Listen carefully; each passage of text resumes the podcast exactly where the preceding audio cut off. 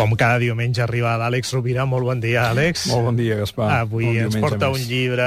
Aquesta mateixa temporada hem conversat a l'Ofici de Viure amb un savi, amb Miguel Ruiz, autor de Los Cuatro Acuerdos, Sí, i ens senyor. va acompanyar durant una hora a l'estudi. I per l'Àlex, Los Cuatro Acuerdos, com per tants oients, és un, és un llibre, una mena de llibre de capçalera. Sí, senyor, és una referència. I més pensant com probablement hi haurà persones que ja al juliol començaran les vacances, alguns les farem a l'agost o alguns al setembre, però pensava que estem ja pràcticament en la recta final de l'ofici de curs, viure, del sí, sí. curs, i se m'havia acudit que en aquest i en els propers programes que ens queden fer alguna referència a llibres breus, llibres que es poden llegir, si no ets hàbit lector, en molt poca estona, eh, i que provoquen reflexions molt interessants. El primer és els quatre acuerdos, i m'agradaria, si et sembla, recordar Quins quins, són són aquests? els quatre acords Sí. i fer una petita reflexió sobre cadascun d'ells. Recordem Sí. que Los Cuatro Acuerdos està publicat per Urano i està, com deies tu, escrit per el eh, doctor Miguel Ruiz. Sí, el doctor Miguel Ruiz eh, el que explica és la saviesa tolteca que, Sí, senyor. que ell ha viscut des de petit i ell diu, home, hauríem de fer quatre pactes amb nosaltres mateixos per tal de ser més feliços, no? Sí, i de, i de viure d'una manera més, més, eh, més en harmonia, no? Són lliçons de sentit comú molt oblidades, fàcils d'entendre i de vegades difícils d'aplicar.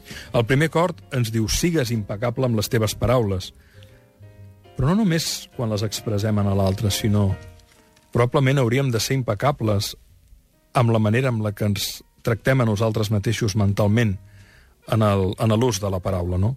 La programació neurolingüística, per exemple, ha aparegut 3.000 anys després de que els tolteques apliquessin aquest principi, però la PNL ens, vi, ens ve a dir precisament això.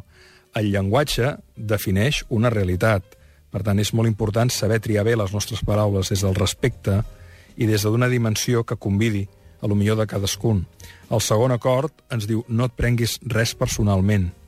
I és que quantes vegades ens prenem com quelcom que va contra nosaltres comportaments o accions dels altres que no tenen res a veure, en principi, amb un atac contra nosaltres. Com de vegades ens sentim ferits per una, per una suposició que no és real. Això ens faria pensar en el mecanisme de la projecció, el que jo penso que l'altre pensa sobre mi. Mare de Déu, moltes vegades ens prenem qüestions personalment quan no tenen res a veure amb nosaltres i això ens permetria viure sense complicar-nos tant l'existència. El tercer acord va molt lligat en el segon i diu no facis suposicions. D'alguna manera ens parla dels prejudicis, dels prejudicis sobre nosaltres mateixos i sobre els altres. Quants comportaments s'inhibeixen de diàleg, de trobada, de generositat, perquè fem suposicions sobre l'altre, sobre com reaccionarà, sobre com ens contestarà, sobre si ens acceptarà o no. Deixem de fer suposicions.